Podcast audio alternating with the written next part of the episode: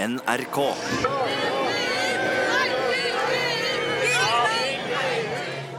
I 1994 raser diskusjonen om norsk EU-medlemskap. Det bevares. Eh, Det var familiemedlemmer som ble uvenner og nær sagt aldri ble venner igjen. og Ja eller nei til EU skal avgjøres i en dramatisk folkeavstemning. I den ene hovedrollen nei-dronningen Anne Enge Landstein. Og i det hele tatt så ser vi hvordan nå makteliten mobiliserer mot det sterke grasrotengasjementet. Ja-siden frontes av landets mektige statsminister Gro Harlem Brundtland. Så dette er løgn. Det er ikke Du beskylder beskylder Enge Anne for løgn. Ja, det gjør jeg nå. Nå syns jeg grensen er nådd. Du hører på hele historien fra NRK Radiodukk. EU-striden som splittet Norge. Del én av to.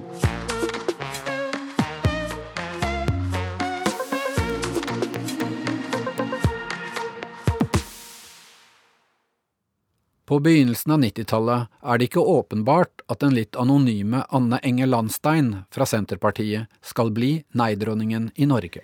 Alltid nervøs. Mm. Alltid nervøs. Eh, og skjerpa. Og det må man være, tror jeg. Hun er en politiker som viser følelser. Hun er 40 år, nokså ukjent for de fleste, før EU-kampen tar av. Anne blir et samlingspunkt for nei-sida og et angrepsmål for ja-bevegelsen. For det er veldig krevende prosess å gå rundt i verden og tenke at de vil knekke deg, egentlig. Men det var nok en del som ville det, og det var veldig sterke krefter som ville det. I 1990 sitter Senterpartiet i regjering med Høyre og Kristelig Folkeparti. Ute i Europa koker det. Det er konkrete planer om å lage et felles indre marked, der nasjonene kan ha tilgang til å kjøpe og selge varer fritt. Senterpartiet er sikre på at Norge bør stå utenfor. Tidligere politisk kommentator i NRK, Geir Heljesen.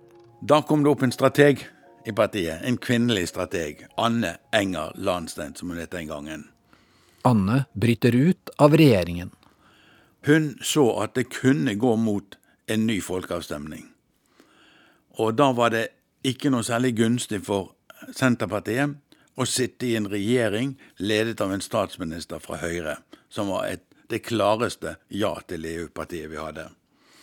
Senterpartiet går i opposisjon nå med sin selvstendige politikk. Vi ønsker ikke å være noe støtteparti for noen.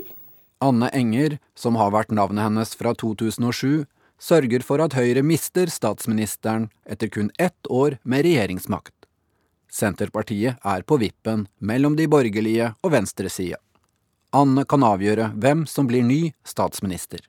Vi har eh, kommet til at eh, Arbeiderpartiet, som ikke har vært fullt så klare på dette spørsmålet, og som har krefter i partiet som arbeider mot et norsk eh, medlemskap i EF, vil være vår anbefaling at eh, det største partiet Anne viser seg som handlekraftig og kompromissløs når det kommer til europaspørsmålet. Jeg sa da at vi ønska at Arbeiderpartiet, det største partiet, skulle danne regjering. Eh, og dermed var det sagt, og så begynte nye ting å skje. Senterpartiets valg gjør at Gro Harlem Brundtland går løs på sin tredje periode som statsminister. Men Gro er ikke bare glad for å ta over makta. Hennes eget parti, Arbeiderpartiet, er dypt splittet i EU-spørsmålet, som er i ferd med å dominere hele det politiske landskapet. Du, vi, vi har ikke sittet, vi, eh, med, og ventet med beven på at eh, vi skal få et så vanskelig oppdrag som dette egentlig er. Eh, da tar man i tilfelle feil. Altså, Gro Harlem Brundtland er jo en helt annen politiker. Gro er 50 år og av mange regnet som landets mest respekterte politiker, også i utlandet. Norges første kvinnelige statsleder. Hun stiller ikke opp i denne dokumentaren, men politisk kommentator i NRK, Magnus Takvam, følger henne tett gjennom hele EU-striden. Politikere har veldig stort format, som skiller seg ut. Begge disse to skiller seg ut på, hver, på, ulike måter. Eh, Gro var heller ikke en som det var noen vits i å på en måte diskutere så mye med, kan du si. Ja, jeg må vel tolke svaret slik at du har vanskeligheter med å se at du som partileder kunne gjort ting særlig annerledes i den ja, jeg, situasjonen nei, som er jeg tar, jeg, du, nei, du kan ikke ta og så nå uttolke av det jeg sa, noe som brukes som ingress i radio. For det er Fordi hun var så, var så skal vi si Ikke autoritær, men hun, hun var så knallhard, på en måte. Hvis du hun var så avvisende hvis, hvis du var usaklig, på en måte. Eller, altså, sånn. Det er det jeg sier, som gjelder. Så jeg sa at det er et dilemma at det har vært flere Premissene er satt for et oppgjør mellom to helt forskjellige synspunkter og personligheter. Det første store slaget skal handle om den såkalte EØS-avtalen. Om Norge skal bli med i det nye europeiske handelsområdet. EØS er komplisert å forklare. Selv om det vil ha store konsekvenser for landet, havner saken i skyggen av debatten om medlemskap i unionen.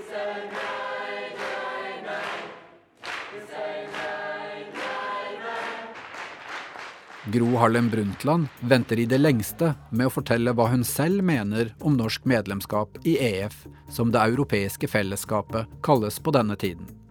Hun vil ikke risikere bråk i eget parti. Men så kommer brått en telefon fra Sverige som setter ting i gang.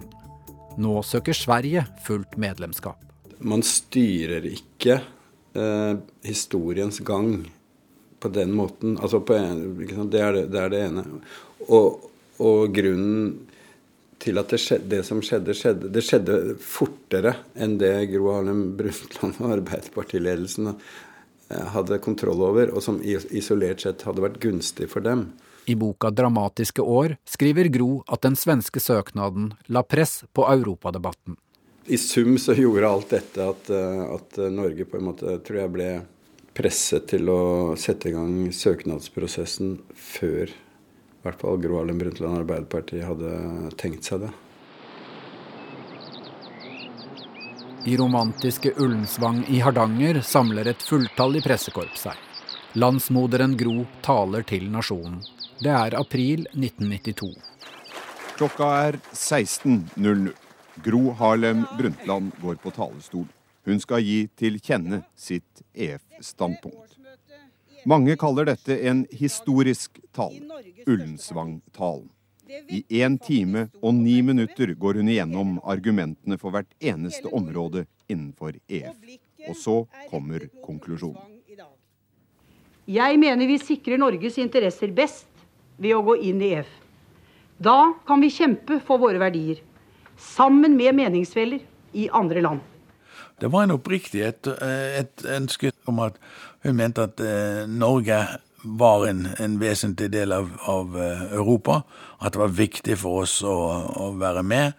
Da kan vi kjempe for de løsningene vi tror på. Ikke bare i Norge, men også i Norden og på den europeiske arena. Og det var viktig for henne. Det var, det var, ikke, bare, liksom, det var ikke å vinne neste valg, eller noe sånt, men det var en langsiktig strategisk tenkning bak det som hun, hun mente var avgjørende for, for, den videre utviklingen av samfunnet. Liksom. Partifeller, vi må ikke vente og se hvordan fremtiden blir. Fremtiden, den skaper vi nå. Det er ikke bare Gro som er offensivt på banen. I Hardanger har også nei-siden mobilisert. Ja Er det her folket står? God dag, god dag. Velkommen til Distrikts-Norge. Til grasrota. Grasrota er en viktig faktor i landet. Med mye sunt bondevett. Vær så god her oppe. Ja. Syns du det er sterkt å stå ansikt til ansikt med det, sånn som det? Nei, det syns jeg ikke. Jeg syns det er et uh, uttrykk for det norske demokratiets beste sider. Så var det jo en sånn en ganske stor eh, ja, Det var vel betegnet som en stor robåt med nei-folk om bord som kjørte med transparenter og sånn. Med nei for å markere at selv om, om statsministeren da hadde eh, gitt uttrykk for sitt ja-syn, så var folkets syn var, var nei. Jeg eh, ser for meg rasering av bygdene altså, hvis vi kommer inn i EF. Altså, og gjør det. Når Gro endelig har stått fram, kan striden mellom de to dronningene starte for alvor. Anne Enger Landstein er letta over dagens ja fra Ullensvang. Nå gleder hun seg til å gå i nærkamp med statsministeren om følgene av et eventuelt EF-medlemskap. Ja, du vet, Nå er jo loddet kasta, og EF-kampen er i gang. Og det er klart at eh, For oss i Senterpartiet er dette en veldig stor utfordring. Og jeg syns det blir en ryddigere og riktigere debatt nå. Nei-sida ligger klart foran på meningsmålingene. Det er en sterk nei-vind i Bygde-Norge, i fagbevegelsen, blant en del unge og på venstresida. Men Anne sliter mer i kampen mot handelsavtalen EØS. Da har jeg noen utfordringer å komme med til statsministeren. Anne snakker om annerledeslandet, om et Norge som er det eneste landet som har sagt nei til Europa en gang før, i en folkeavstemning i 1972.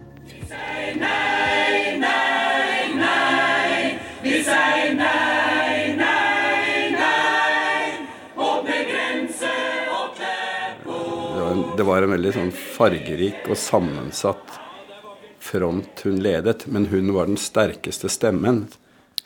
Anne Enger eh, var derimot mer opptatt av dette med selvråderetten, og at vi sto best med å bevare de nasjonale rettighetene, kultur, nasjonal kultur og flere andre slike ting, ved å stå utenfor.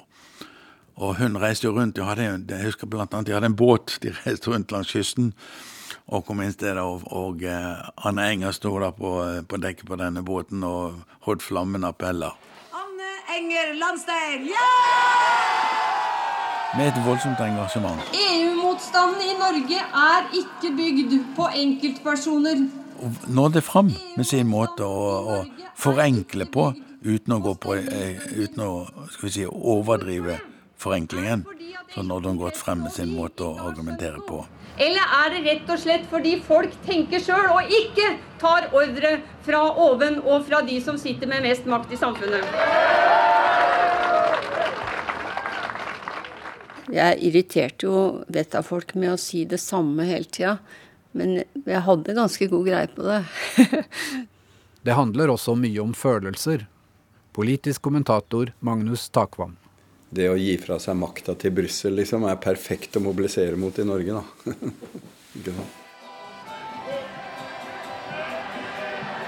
Med andre ord så var hun elsket, men også hatet. Altså en, en sterk politiker som det polariserer veldig ofte. Altså at du, du får veldig sterke tilhengere, også, men også veldig sterke motstandere. Da. Og det gjorde jo hun.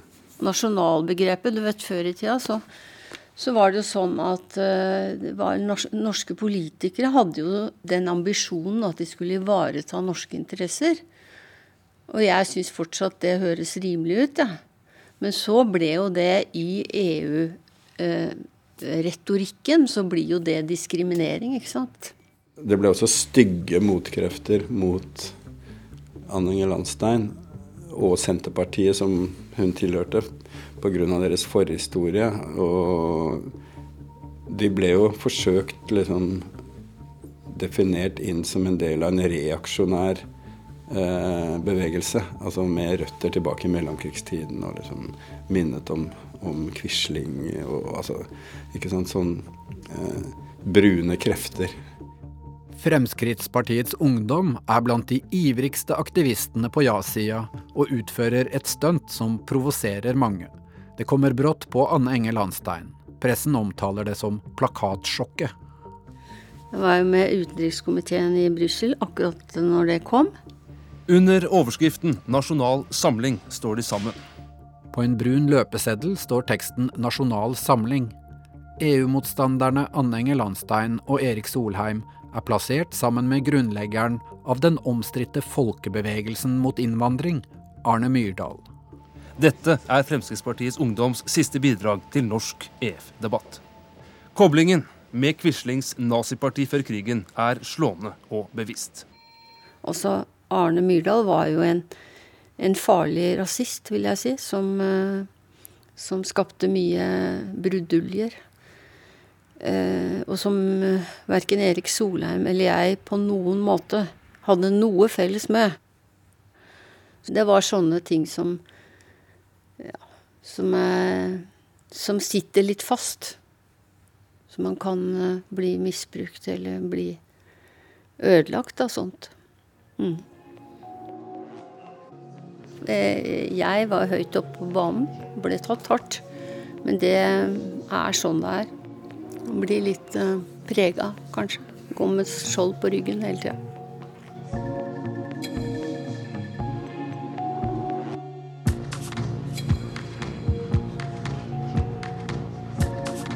Utpå høsten 1992 går Anne- og nei-siden på et stort nederlag.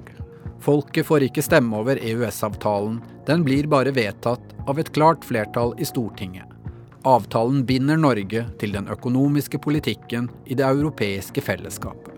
I tillegg må Norge innføre mange lover og regler vedtatt i Brussel. Anne går på et nytt nederlag når regjeringen Brundtland deretter sender av gårde en formell søknad om EU-medlemskap. Men det er vern om ressursene og kontroll med ressursene på norske hender som er et hovedpunkt. Og fiskeriminister Jan Henry T. Olsen kjørte ut med klar melding på pressekonferansen her nå nylig. Det skal forhandles om betingelsene for å være medlemsland dersom folkeavstemningen gir et ja. Gro vil vise at Norge står på krava, særlig når det gjelder landbruk og fiske.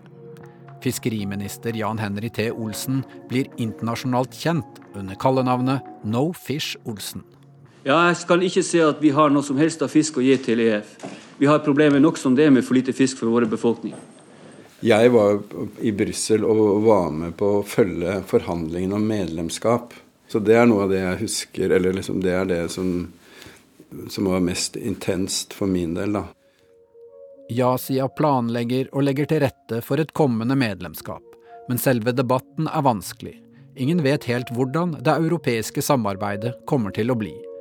Blir det en felles EU her? Skal alle ha felles valuta? Det politiske samarbeidet mellom landene ser ut til å bli tett. Det skal bli en union.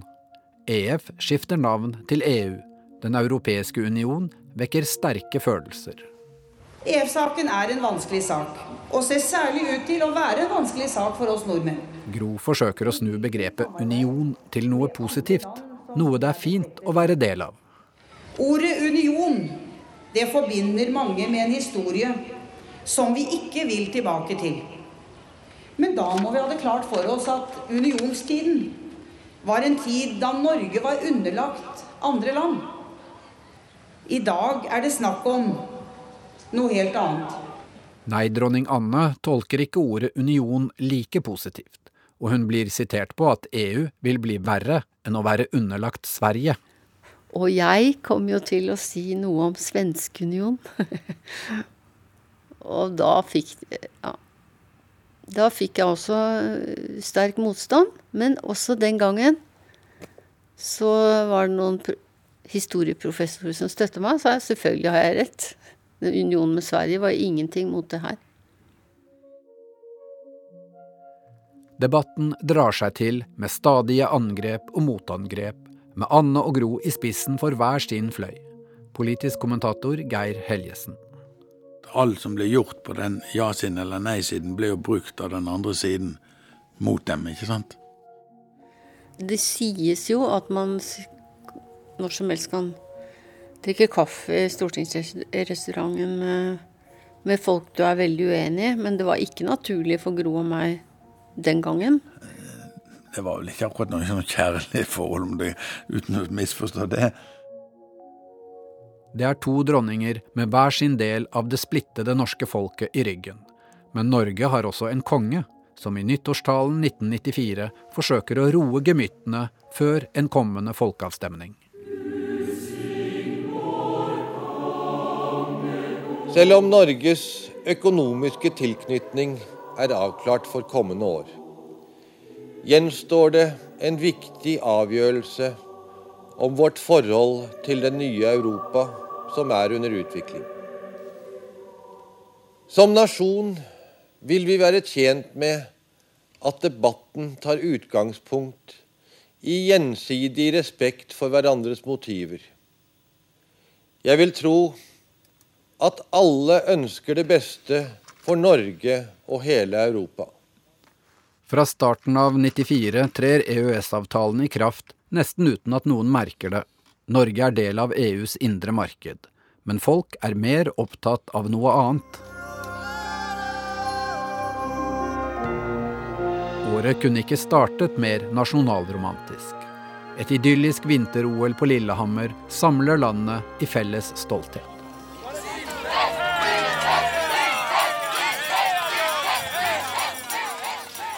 Hans Olav Lahlum er politisk historiker og nei-tilhenger.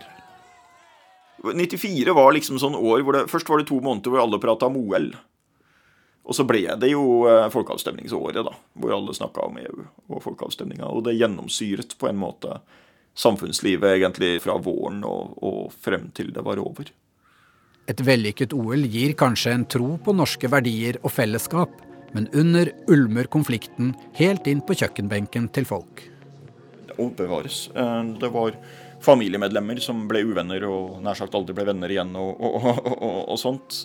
Jeg mener det var en stor belastning internt i, i, i mange familier og ekteskap og, alt hva det var. Og det kunne være veldig hardt å være eh, en EU-motstander hvis du bodde i et område hvor eh, folk flest var for, og det liksom var en opplest og vedtatt sannhet at man burde gå inn. Du, du, kunne oppleve hets, du kunne oppleve latterliggjøring, du kunne oppleve press som uh, sikkert gikk uh, nær sagt på grensa til det fysiske. Og lokal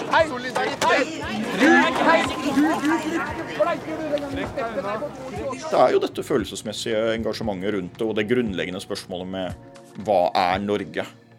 Uh, selvstendig stat, ja. Er vi medlem av en union? Hva gjør det i så fall med oss som selvstendig stat? Og by og land, mann mot mann, ble det jo spøkefullt sagt. Jeg er en liten lofotorsk som lurer på om jeg er norsk. Eller kanskje spansk, eller kanskje spansk, eller kanskje er jeg spansk. Jan Henry, har du gitt meg bort Natt til 16. mars 1994 synger en glad handelsminister Grete Knutsen i Dagsnytt på NRK. Regjeringen og Gro Harlem Brundtland kan legge på bordet en rykende fersk avtale med EU. Dette er kontrakten som gjelder hvis Norge blir med i unionen. Det er et svært godt resultat, nå også på fiskeriene. Det som var det aller vanskeligste, og som vi regnet med kunne komme til å være det siste, der vi kom fram. Forhandlerne hadde, de var jo kjempefornøyde da de fortalte hva de hadde oppnådd. og sånn, Ja-sida ser det som en seier, enda et steg på veien mot EU. Mens Anne Enger Landstein synes avtalen er dårlig. Men jeg mener nok i likhet med Fiskarlagets eh, leder at her har man gitt etter på alle punkt. Vi er altså prisgitt unionens institusjoner. Det er de som har råderetten og ansvaret etter denne tid, og det er ikke gitt juridisk bindende garantier. Gro har nå uansett en konkret avtale å slå i bordet med, noe folk kan stemme ja til. Den er god for Norge, og den vil gi oss mulighet til aktiv deltakelse i videreutviklingen av europeisk samarbeid. Som dere vil ha forstått, så vil regjeringen anbefale at det norske folk og Stortinget gir sitt samtykke til at Norge blir medlem av Den europeiske union på grunnlag av den avtale man er blitt enige om.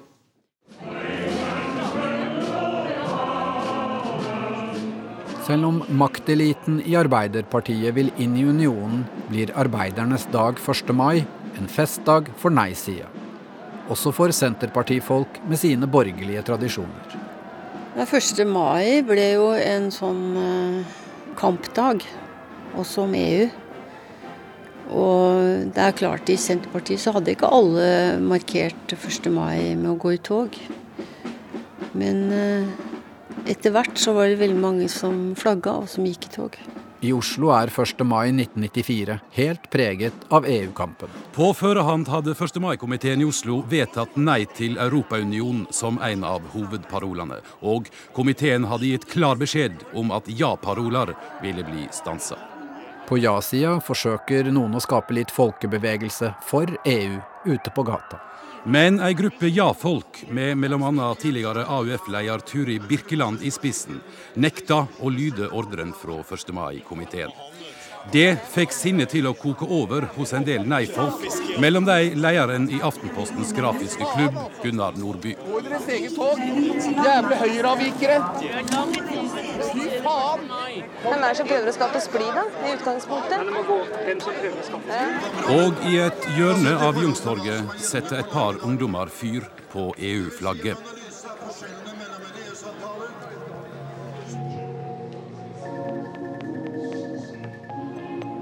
Men ja-dronningen Gro har et siste ess i ermet denne våren.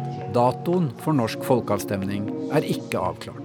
For Det var helt tydelig at man sikta seg inn på å prøve å ha det på det tidspunktet hvor det ga størst mulig sjanse for å få et ja-flertall. De fleste regner med at først Finland og deretter Sverige kommer til å stemme ja til høsten. Så kan man argumentere for at det var jo fint for Norge å vite eh, forutsetningen for de andre land. Nå bestemmer regjeringen at den norske avstemningen om EU skal legges til slutten av november, to uker etter den svenske. Utsiktene til at Sverige og Finland blir medlemmer av EU, skaper en ny situasjon for Norden og for Norge. Men det er klart man la jo opp til en dominorekke. Det ville være høyst unaturlig om EUs yttergrense skulle gå langs med grensen mellom Sverige og Norge. De ville gå inn i EU. De hadde et standpunkt. Og de hadde makt til å påvirke når datoen skulle være. Og den makten brukte de. Det går ikke an i et levende folkestyre. Det går rett og slett ikke an det ble noe, i hvert fall gjort i åpenhet. Da, ikke sant? Det ble på en måte noe folk kunne forholde seg til.